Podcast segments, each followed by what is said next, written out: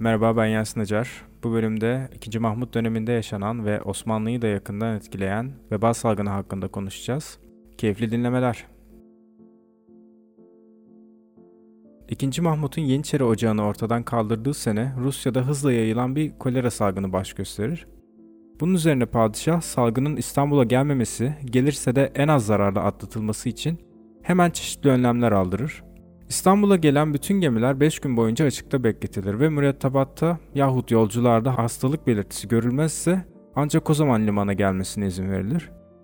İngiliz elçisi kendi ülkelerinde böyle bir salgın bulunmadığını, o sebeple İngiliz gemilerinin bu yaptırımlara maruz kalmamaları gerektiğini düşünüp bir İngiliz bayraklı gemiyi limana yanaştırmaya çalışınca 2. Mahmut'un emriyle sınır dışı edilir.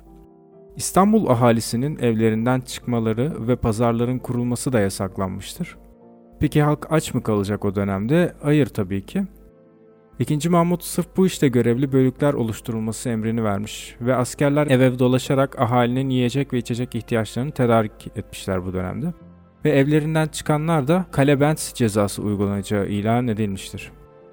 Yine cuma namazlarının karantina süreci boyunca kılınmayacağı ilan edilince bazı kimseler karantina istemiyoruz diye ayaklanmaya kalkışmışlar.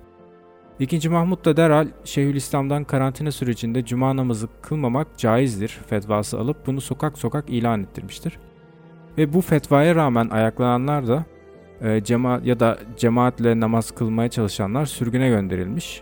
Mustafa Behçet Efendi'nin karantina önlemlerini anlattığı risalesi imamlara dağıtılmış. Bu imamlar da ev ev gezerek ahaliye neler yapmaları gerektiğini bir bir anlatmaya çalışmıştır. Tehaffuzhane olarak kullanılan Galata Kulesi de hastalığa kapatılmış olduğu halde kaçmayı başaran bir kişi ibret alem için ve halkın can güvenliğini tehlikeye sokup devlet nizamını bozmaktan ötürü idam edilmiştir. Belki bu kişilerin sayısı daha fazladır, onun için arşivlere bakmak daha doğru. Ahali tedavi için götürülen yakınlarının oralarda ölüme terk edildiğini düşündükleri için padişahı çok uğraştırmışlardır. Bu sebeple hastalığa kapılan yakınlarını devlete haber vermemişlerdir ve aynı zamanda İstanbul'da sayısız kimse para ve dayak cezasına çarptırılmıştır.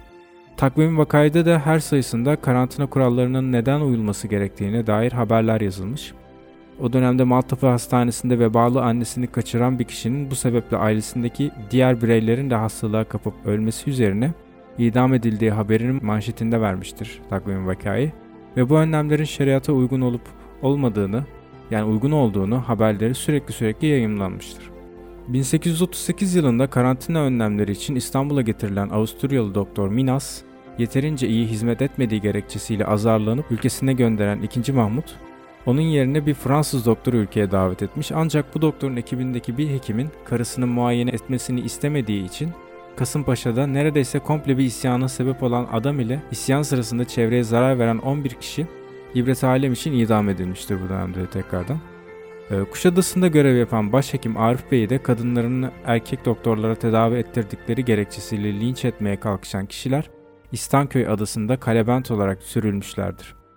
Padişahı yalvarıp af diledikleri dilekçelere İslam'dan ulaşabilirsiniz bu arada. Yine bu dönemde Sıbyan mektepleri de önlem olarak kapatıldığından hocaların, talebelerin evlerinin bahçelerinde yahut çatılarında ağızları ve burunları sarılı halde ders vermeleri sağlanmıştır. Takvim Vekai, İstanbul'da ahalinin burunlarına ve dillerine kireç sürdükleri haberlerinin artması üzerine bunun sağlığa zararlı olduğunu, hiçbir faydası bulunmadığını, evlerin kireçlenmesi gerektiğini ancak ağız ve burunların sarılarak önlem alınması gerektiğini yazmıştır. Yine 2. Mahmut Osmanlı'da ilk defa mezarlıkların şehir dışına taşınması kanununu çıkaran padişahtır ölen yakınlarını devlete bildirmeyenlerin idam edileceğini ilan ettirir. Böylece halk mecbur kalıyor bildirmeye ve cenazenin nereye ve ne şekilde gömüleceğini hekimler karar veriyor. Eğer salgın hastalık sebebiyle ölmüşse bu kişiler kireçlenerek gömülürdü.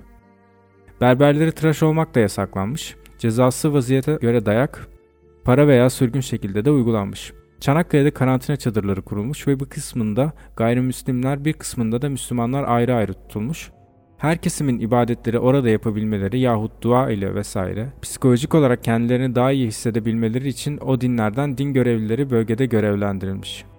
Muralı Osman Efendi, Şanizade Ataullah gibi dönemin tarikat liderlerinden bazıları karantina uygulamalarına karşı risaleler yazıp Frank icadı, kadere karşı gelmek gibi saçma sapan gerekçelerle halka isyan teşvik etmişler o dönemde. İşte bu durumlar yüzünden de 2. Mahmut'un adı böyle böyle kafire çıkmıştır.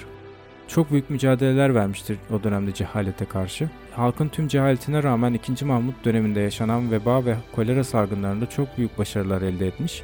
Yasaklara uymayanları idam ettirerek belki de binlerce kişinin hayatını kurtarmıştır, ahalinin gözünü korkutarak.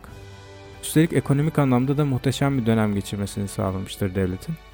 Devlet işte böyle yönetilir gibi bir sonuç ortaya çıkıyor. Ruhu şad olsun.